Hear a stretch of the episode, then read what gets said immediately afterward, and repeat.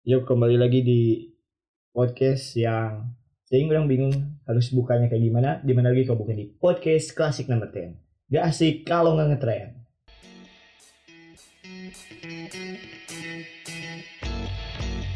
Luar biasa sekali pembukaan kali ini. Aduh, ada berisik naon. Noise tasa? Sangat profesional sekali kali ini. Dari podcast sebelah siap-siapnya lagi rekaman. Sangat luar biasa sekali. Uh, itu kayak ini kayak Burnley saat Burnley itu di awal-awal persiapan di awal-awal laga awal itu kayak "Ah, ya udah yuk main-main aja lah. Kalau ada kesalahan nanti aja diperbaiki di pertengahan kayak gitu saat si Burnley. Oh kita si Burnley itu pas awal-awal itu strikernya itu si si Chris Wood di kirinya sama si Piadra namun di pertengahan Piadra ada apa nggak tahu cedera atau apa dia performnya kurang dari musim sebelumnya. Akhirnya dia nggak bisa main gitu. Kemudian dicoba dicocok-cocokkan si Chris Wood itu dengan siapa gitu. Eh kadang kan Piadranya nggak ada nggak tahu siapa. Lah Hidra kali. Ah. Hidra mah mana mana mikirna Nah, lagi bebek. Nah, setidaknya nggak bisa. Akhirnya pakai striker siapa nggak tahu dan dia itu nggak cocok juga akhirnya si Hornet itu kan posisi aslinya itu di samping kiri winger kiri. Dicoba-coba akhirnya dimasukin ke tengah sama si Chris Wood. Dan alhasil dia sering kali mencetak gol dengan skema yang hampir mirip. Dia itu ahli volleyball. Golnya gitu semua gitu. Kayak eh, dia reverse-nya si Chris Rhys James gitu. Kalau Rhys James kan dari sisi kiri umpan ke tengah nggak nggak nyampe kena ke musuh terus mantul ada dia di kanan di shoot gitu. Kalau si Maxwell Cornet itu kebalikannya gitu. Kadang dari kanan di Gudmundsson atau McNeil umpan ke tengah Chris Wood headingnya nggak nyampe ada dia gitu. Dia volleyball goal. Beberapa golnya kayak gitu ada tiga atau kali kayaknya. Golnya dari empat tiganya kayak gitu gitu sih mana pernah lihat empat atau lima anjir yang volleyball ada tiga gitu sih oh gue nggak pernah lihat ini dari gol-gol. YouTube lagi tidak lihat. Terus mereka berhenti kurang eh. Jadi yang mana ketahui tentang Maxwell Cornet naon Zat? sebenarnya tidak banyak tidak banyak juga yang bisa diketahui anjir iya sih. sebenarnya eh, si Maxwell Cornet ini bukan pemain yang bombastis atau bagaimana cuman Mm-mm. eh, di dia sudah mendapatkan poin yang besar gitu di PI yaitu 40 poin dan 33 poin di antaranya tuh diam, eh, dia dapatkan dari empat laga terakhir Mm-mm. terus si ini tuh nggak pernah main full 90 menit anjir kayak 63 menit paling lama tuh 87 menit. Hanya penasaran. Tuh dia ya kan baru gabung ke si Burnley-nya pun baru musim ini gitu Betul, dan betul, baru dimainkan turunkan. Itu pas lawan Leicester kalau nggak salah. Dia dan posisinya pun di kiri. Betul, nggak langsung ke striker gitu betul. dan dan dia kayaknya dan saat dipasang di striker pun si Cornet ini tetap beroperasinya di sisi kiri gitu lebih sering berada di sisi kiri lapangan. Betul betul, dan eh, si Cornet ini berarti tadi mana bilang tiga di antaranya tuh volley ya? Volleyball huh. pantas aja si XG-nya tuh cukup kecil hanya 1,4 tapi dia sudah ngegolin 5 berarti konversi rate-nya ini tinggi banget bandingkan dengan pemain seperti Mane yang mencetak 7 gol tapi XG-nya 7,3 dan Ronaldo yang 4 gol tapi XG-nya 4,3 gitu. Jadi itu memang gol-gol pasti gol gitu. Dan mereka Mm-mm. oh si Cornet berarti gol-gol aja ya ini gol-gol kalinya bisa bisa bisa. Kayak eh, si kemungkinan golnya kecil tapi dia bisa dibikin jadi gol gitu. Hmm. lumayan lah. Betul, betul. Cornet ini Cornet ini di, Premier League sendiri eh orang kira tidak ini ya tidak tidak terdengar begitu tinggi gitu nyaman jarang dieluk-elukan tapi di gua-gua kan enggak kan wow lucu ini Guys, jadi baru dah Jabodetabek. ya udah tahu kurang wah itu rek dilanjutin kalau di setup jadi punchline gua mah ini. Lain jadi iya ini jadi jadi opini nah ini. Ngisi adep ini saya kumaha tapi eh, si Cornet ini bakal mendapatkan laga yang cukup berat di laga selanjutnya Texas melawan Tottenham. Betul. Dari pandangan mana Lawan gimana nih? Pan- dari pandangan mana gimana di game week 13 ini si Burnley kan akan eh, menjamu Tottenham di Turf Moor. Eh, kalau dilihat dari Burnley di laga terakhir itu mereka seri melawan Crystal Palace Mm-mm. dan tiga-tiga gitu ya. Di situ membuktikan kalau Burnley itu bukan tim yang mengandalkan Nick Pope saja kali ini. Mereka sudah berani menyerang meski eh, gol-golnya itu lebih banyak dari set piece gitu. Oh. Nah, sedangkan Tottenham kan baru aja ini eh, mendatangkan pelatih yang katanya cukup baik. Namun di laga terakhir di apa sih? Well, mereka mengalami kekalahan 2-1 dari San Marino apa gitu. Dia itu membuktikan kalau pelatih bagus sekalipun gitu kalau belum atau belum nyatu atau emang kualitas pemain lapar atau belum nyatu Sing ngobrol mana gitu. Arah Jadi kayak gitulah Tottenham masih belum bisa dikatakan mampu bangkit meski mendatangkan si Antonio Conte gitu. Jadi menurut orang Burnley eh, paling enggak masih bisa bersaing lah dengan Tottenham masih ada fight spiritnya lah gitu. Meski orang masih mengunggulkan Tottenham tapi Burnley bisa melawan lah Sat. Kalau gitu kalau menurut orang Sat. betul betul orang juga setuju memang Tottenham ini eh, belum benar-benar teracik dengan sempurna oleh si Conte ini mungkin bakal ada beberapa perubahan juga ke depan. Tapi di yang week nanti mana mau masang cornet nggak sih kalau sebagai pemain kunci di laga Burnley Tottenham orang lebih ini sih pengen masangnya Reguilon saat Hmm, iya, iya. Enggak ini Pak, tapi di FPL mana yang bakal dipakai atau enggak? Berarti enggak ya kalau mana makanya Reguilon. si Cornet enggak Hmm. kayaknya Tuh, oh, mana kumaha mana kumaha Orang sendiri sama sih eh, di laga Burnley lawan Tottenham, orang menjagokannya si Lucas Moura yang hmm. tiga pertandingan terakhir tuh mengalami 9 poin dan assist gitu. lumayan dan emang dilihat dari enam laga sebelumnya pun si Hotspur sangat diunggulkan. Dan dia Hotspur udah menang empat kali. Sedangkan baru sedangkan Burnley baru menang satu kali dan satunya lagi seri. Terus ke depannya juga kan eh, Tottenham laga-laganya nggak terlalu berat gitu Sat. jadi kalau lebih Betul. pilih aset mungkin Tottenham lebih menguntungkan biar nggak transfer-transfer lagi pemain gitu Sat, kalau orang. Iya setuju setuju tapi kalau Hmm, orang bagus. emang lebih milih pemain depan lah kayak kayaknya Mora bakal cukup bersinar ya dengan strategi serangan balik ini gitu saya plus saya Eh itu murah. Padahal masih cornet sih ketimbang murah. Murah di kanan, cornet di kiri. hmm, oke. Ada sih kiri sih kan? Kom- Komunis. Eh, bener yang kiri nek bisa nanya eh. lanjut Ini ya di game week 13 ini tuh eh, laga awalnya tuh Arsenal lawan Newcastle saat di Emirates Stadium.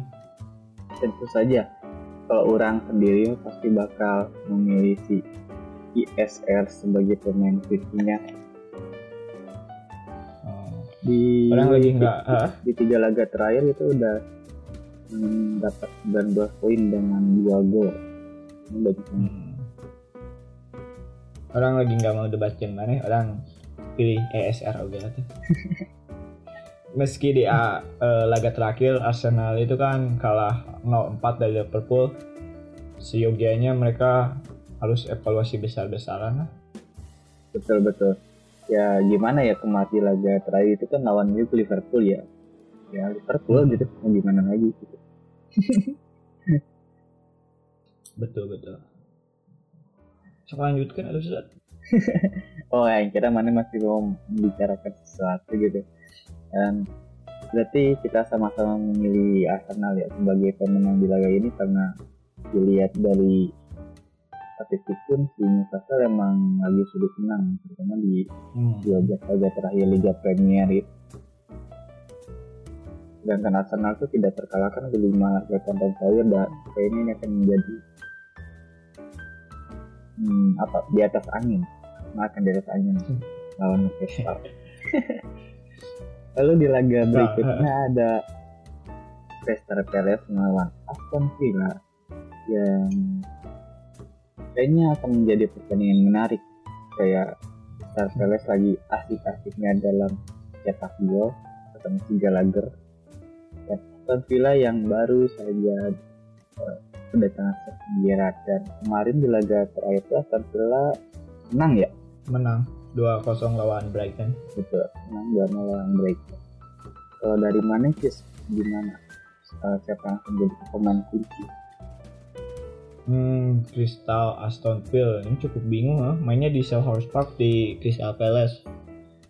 Eh, Aston Villa cukup telah membuktikan lah dia lawan Brighton bisa menguasai 2-0 gitu. Dari awalnya ya si Aston Villa yang angin-anginan cukup mulai bangkit gitu untuk menemukan performnya kembali Aston Villa meski tanpa Grealish. Alman dendam kan ya kayak gitu eh kalau pemain kunci kayaknya orang lebih mengunggulkan si Aston Villa meski Palace adalah salah satu tim favorit orang.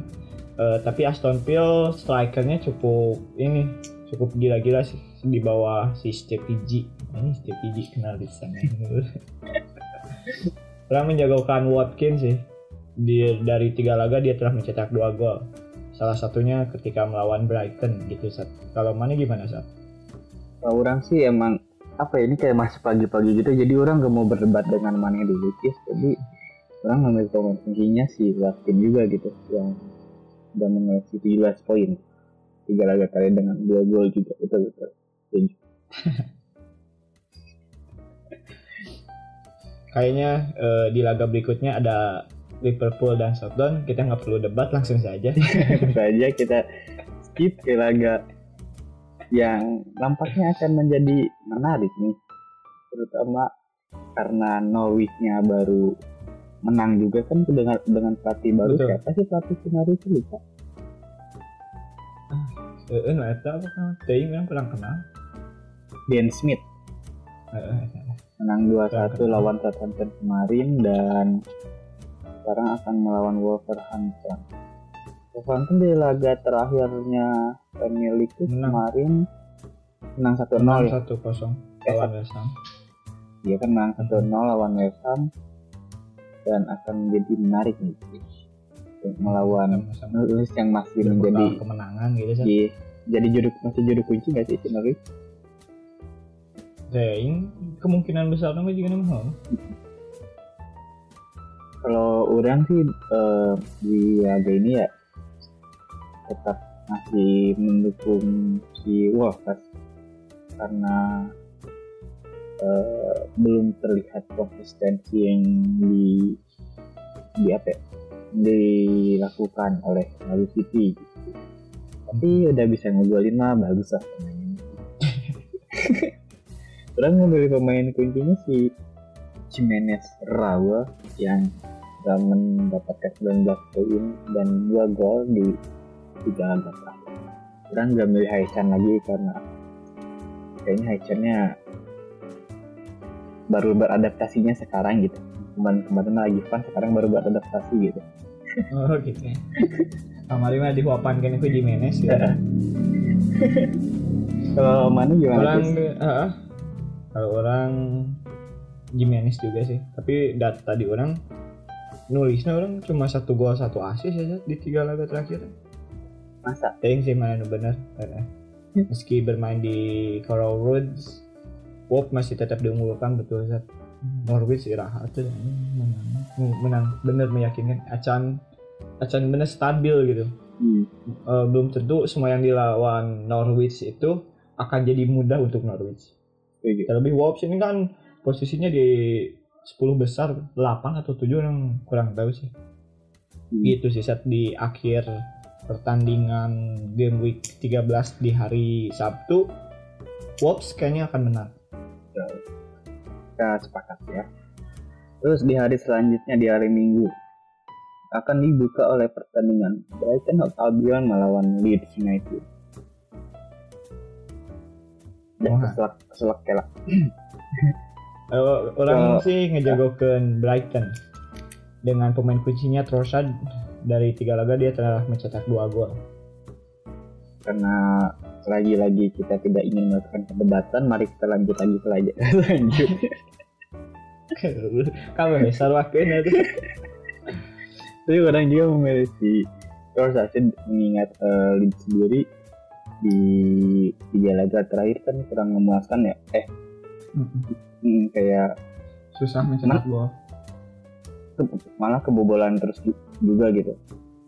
Lawan Tottenham. Tapi di- Leeds, tapi eh men- menang sih Hah? sebelumnya lawan si Norwich di game keberapa gitu tiga game. Ah, ah.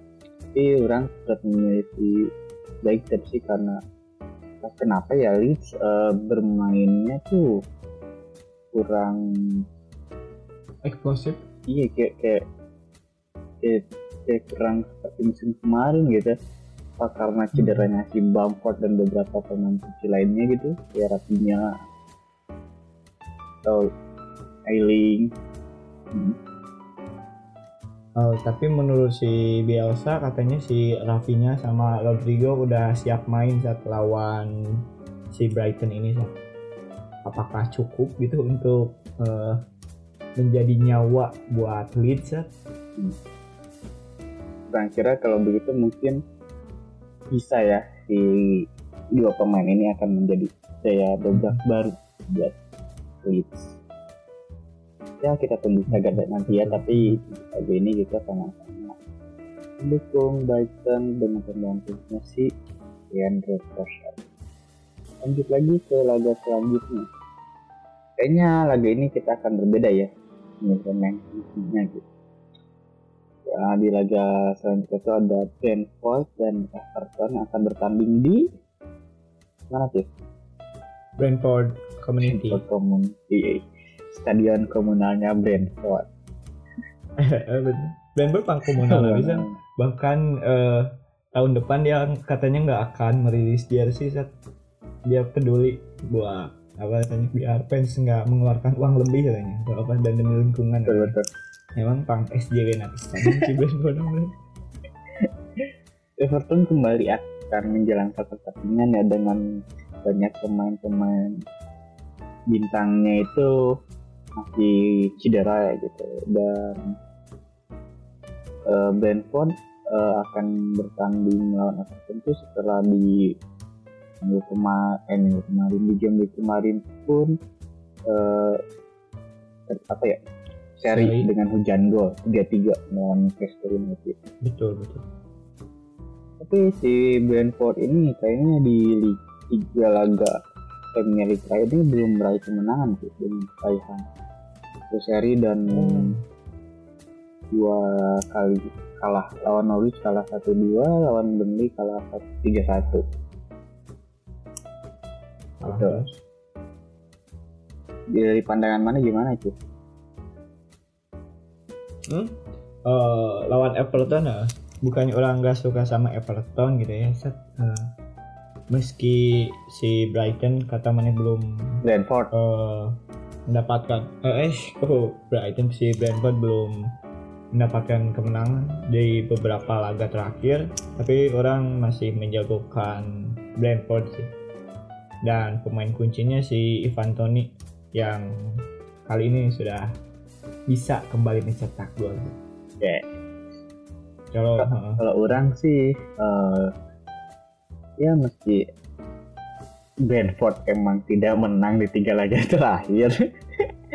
Tapi orang masih tetap mendukung Brentford dengan pemain ternyata si Ivan Tone yang akhirnya sudah mencetak satu gol gitu. kembali mencetak gol walaupun satu ya kita benar benar dengan set itu saya banyak. Benar siapa yang menyangka? Tidak ada yang menyangka tentu saja.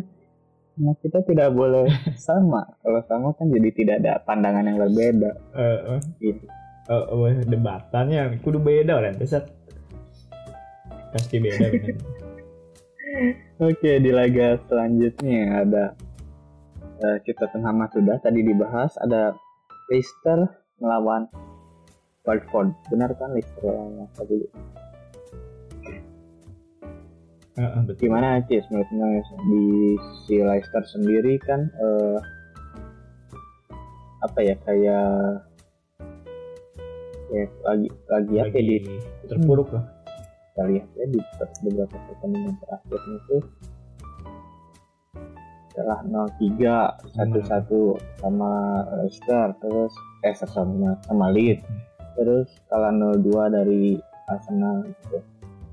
Tapi memang di duel kemarin si Leicester menang 3-1 sama Legia Warsawa di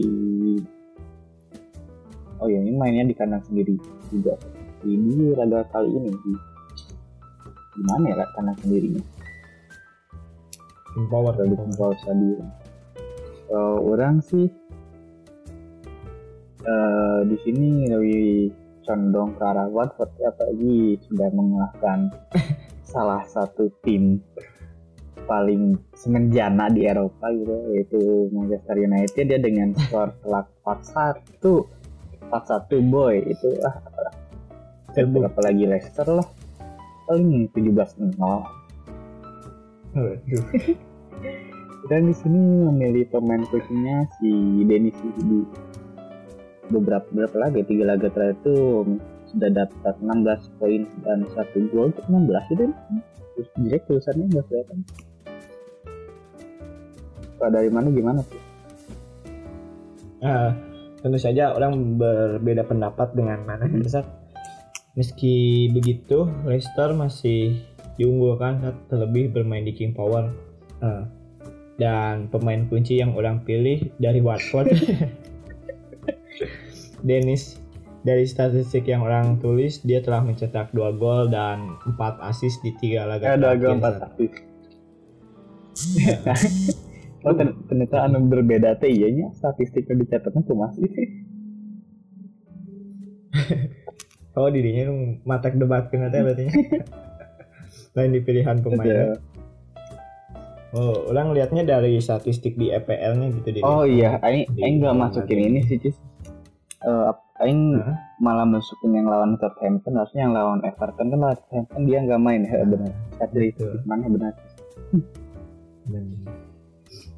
Jadi gitu. Ada perdebatan lah sedikit. Kemudian eh, lanjut ke Etihad Stadium Ya. di hari Minggu ini akan ada sebuah laga yang cukup eh, berat bagi kedua tim. Eh, ada Manchester City melawan West Ham. Kalau orang masih tentu saja menjagokan si Manchester City dan orang kira pilihan yang pemain kuncinya yang akan dipilih mungkin akan sama. Eh, orang menjagokan Bernardo Silva dengan dua gol di tiga assist. Orang nggak tahu sih Arsad siapa pemain, pemain kuncinya, tapi kita lihat saja. kita dengar saja beberapa detik setelah ini. Gimana Sat? Kalau dari sisi orang sih memang melihat laga ini lebih condong ke arah Manchester City ya dan eh, tapi orang sendiri eh, apa ya kayak tidak menganggap West Ham ini sebagai tim yang sebelah mata ya artinya orang rasa West Ham bakal Betul. merepotkan dan bahkan hingga mencetak gol. Oleh karena itu orang tidak memilih Cancelo sebagai pemain kuncinya. Yang harusnya Mane biasanya memilih Cancelo gitu. Malah orang lebih memilih si Bernardo Silva yang menjadi pemain kuncinya yang di tiga laga terakhir itu sudah mengoleksi 17 poin serta dua gol.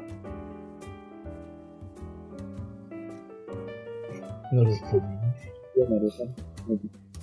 Terakhir kali Bernardo Silva bermain di Manchester City itu ketika Liga Champions kemarin banget. Dia menjadi man of the match. Bahkan orang lihat sorotannya gitu ada eh, cuplikannya ada seorang anak kecil gitu yang minta kaos Bernardo Silva gitu. Padahal di lapangan itu ada Kylian Mbappe, ada Neymar gitu, ada Messi. si siapa? Messi gitu. Yang diminta itu si Bernardo gitu. Itu keren banget Nah. sih. Berarti emang Kualitasnya beda. Hah? Bernardo ini menginspirasi supporter yang di lapangan sih. Hmm, betul betul. Oke, terus ada laga terakhir di tiga Premier Game Week berapa nih? 13 apa? 13. 13 agak super duper big match seantero semesta raya Aduh. dunia akhirat lagi kalau bukan Aduh. Chelsea melawan Manchester United yang akhirnya Manchester United memecat oleh Jonas Solskjaer dan diganti ditangani sementara oleh Michael Carrick dan dengar-dengar si Ragnik bakal jadi interim sebentar terus nanti udah beres masa interimnya bakal naik jadi direktur teknis atau direktur apa gitu. Semoga saja terjadi amin. Interim interim atau di kompas di kumparan interim. No interim. Kayaknya itu dia mah tiganya tetap dibayar sih tadi eksploitasi unggul gitu. Dibayar gede selayaknya sewajarnya manusia Ya, gitu. ada lamun terbukti eh, berkualitas diteken jadi pelatih tetap gitu ya tadi si Rapnik iya sih. Lamun orang te- teningali tulisan lamun berkualitas atau enggak tapi setelah mata interim si Eta Hmm. berakhir si Eta bakal ditaikkan atau jadi direktur teknis atau direktur naon gitu. Jadi posisi nu lebih luhur gitu. Bohong si Sam gitu saya berarti tetap berkualitas. Aduh aku rasa parah mana kisahnya? Nah kembali lagi ya. kembali lagi ke pertandingan satu Betul di, di sisi Chelsea sendiri Chelsea sudah menang 5 dari 6 laga Premier League terakhir gitu. Bahkan eh, Chelsea ini salah apa ya salah satu tim dengan defense terbaik baru kebobolan dulu apa Cis? Oke, empat empat. Baru kebobolan 4 gol. Tapi MU sendiri punya catatan yang cukup baik yang melawan Chelsea tandang gitu. Mm-mm. MU itu tidak pernah kalah melawan Chelsea di lima tandang lima laga tandang terakhir gitu, di semua Yes. kompetisi gitu. Tapi ya sekarang kondisinya kan benar-benar berbeda. Eh, dari mana gimana sih? Ini pasti sangat berbeda sih orang ya. Ya, orang mau ngejauhin Chelsea ya Tisat. Meski di eh, Chelsea ini tidak diperkuat oleh beberapa pemain gitu. Si N'Golo masih belum tentu bermain dan Ben Chilwell katanya nggak akan bertanding sampai akhir Desember itu katanya mau operasi berkat eh, cedera yang diterima ketika lawan Juventus gitu kan soalnya dia bisa ngagolkan cederaan batur nah, emang kudu kita ada. Ampung. padahal main di Premier League gitu jarang-jarang gitu ya ini cedera gitu. Banyak. aneh Si Evan oke cederanya, kok pasti juga cedera kan. Eh, masih belum bisa bermain Kovacic Eh, tapi orang memilih Chris James sih dia masih tetap konsisten di eh, wingback kanan dia telah mencetak di Premier League dia telah mencetak dua gol dan dua assist di tiga laga terakhir. Itu sih. Kalau mana gimana saat mainnya disoakin jadi Chris James oke mana mau jadi pendukung MU sejati ya? Itu saja tidak. Meski orang mengagumi Rhys James, karena kalau Rhys James mencetak gol tuh dan clean sheet berbarengan itu dia bakal keren yang gede banget. Tapi karena orang kan sejati bahkan orang mah mancunian orang lainnya di sebelah Trafford pisan sama sebelah. Karena apa orang umur 2 bulan tuh orang nyaho eta MU treble winner Kill. saking mancunnya napisan orang Mana lahir bareng anjing Beckham ngagol kan? untuk laga ini orang memilih si Cristiano Ronaldo sebagai pemain karena ya siapa lagi gitu. Eh, Bruno Fernandes biasanya selalu drop perform ada perform ketika melawan tim-tim besar gitu terus Rafael Varane, Pogba, Cavani sedang cedera. Bahkan Maguire pun kartu merah. Juga cedera. Dan Greenwood tuh kalau orang lihat di FPL-nya katanya sakit gitu dia tuh. Ya nggak tahu bisa main atau enggak. Jadi orang melihatnya mungkin MU tidak akan clean sheet karena mana ya backnya tuh dijaganya oleh Bailey dan Lindelof. Dan di depannya Fred McTominay mungkin yang akan bermain gitu. Jadi eh, saya berharap saja ya semoga Ronaldo mencetak setidaknya 5 gol lah dalam laga ini gitu. Gampang lah ke Ronaldo 5 gol. tujuh lawan tiga mah bisanya lawan Rudiger ya Pak. Ya Hmm, Mungkin bisa nggak terus terus Li- lima gol, Hah? lima gol kan geus leuwih. Ya, lima gol. Hah? Eta teh geus leuwih gede pisan di ya, di gol ya, Chelsea kemasukan ya, di seluruh pertandingan Premier League. easy peasy kan. Eh, Enggak, mungkin bisa. Salah. sekali ya Ke- Kemungkinan lagi gede. temannya lawan misalnya main taruhan-taruhan online. Kita jadi online ternyata peluangnya hiji ya. Pasti menang. pasti ya. menang gitu si menang di extra time nya seraya nah itu lima kosong Eh, menang acan tagacan mulai geus dikirimkeun barang headset ka imah itu terus di yang edisi setelah kita kita ini menyebutkan pemain-pemain kunci apakah eh, pemain kunci tersebut telah disebutkan gitu masuk ada yang masukin tim wildcard mana di game week 13 nanti? 13 apa 14 sih sudah nama Kurang, 14 ya? tiga tiga belas tiga belas. 13 Ah, benar. Setelah di game week 12 orang mengakui orang kalah poin tim mana? Orang cuma dapat 51 poin kan? Betul. Kaptennya cuma Son cuma dapat 4 poin gitu. Yang paling gede si Cancelo 12 poin. Terus ada si siapa? Jota 8 poin.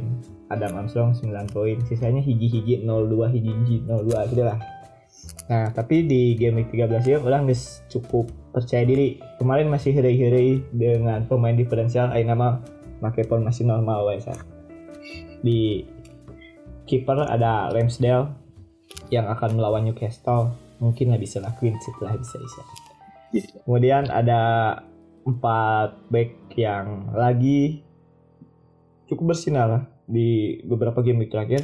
Chris James, Trent, Cancelo, sama Reguilon terus di tengahnya orang pakai lima pemain. Ada Bernardo, Jota, Salah, ESR, Trossard, strikernya cuma satu. Dan orang nggak terlalu hard feeling sih. Orang masalahnya si Harry Kane. Udah gitu. Orang percaya sih ini mah. Udah normal orang milih kalau mana gimana sih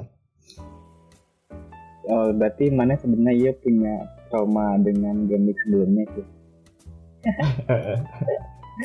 ya emang sih di game sebelumnya orang kan yang menang besar ya 59 poin. Biasa besar. Besar biasa gol. Tapi eh, untuk laga kali ini gitu orang eh game kali ini memasang ini juga kayaknya pemain-pemain yang punya nama lah. Di sisi kiper sendiri orang ada si Ramsdale di belakangnya ada Pinok Alexander Arnold dan si Reguilon terus di tengahnya ada si Bernardo Silva Gallagher Salah dan Smith di depannya ada tiga striker ada Jimenez, Watkins dan Dennis. Yang tadi cadangannya ada ya mah biar menuhin aja sih. Kayak nama-nama besar Ederson, Rice, Thiago Silva sama Cancelo. Orang ting kalau cadangannya pemain butuh tunggu orang Kurang mah cuman beakeun duit eh, perluasnya sendiri. eh beakeun duit kan se rek ngebet je Harus satu. Enggak ya berarti. sip enggak satunya Tut, tut, tut.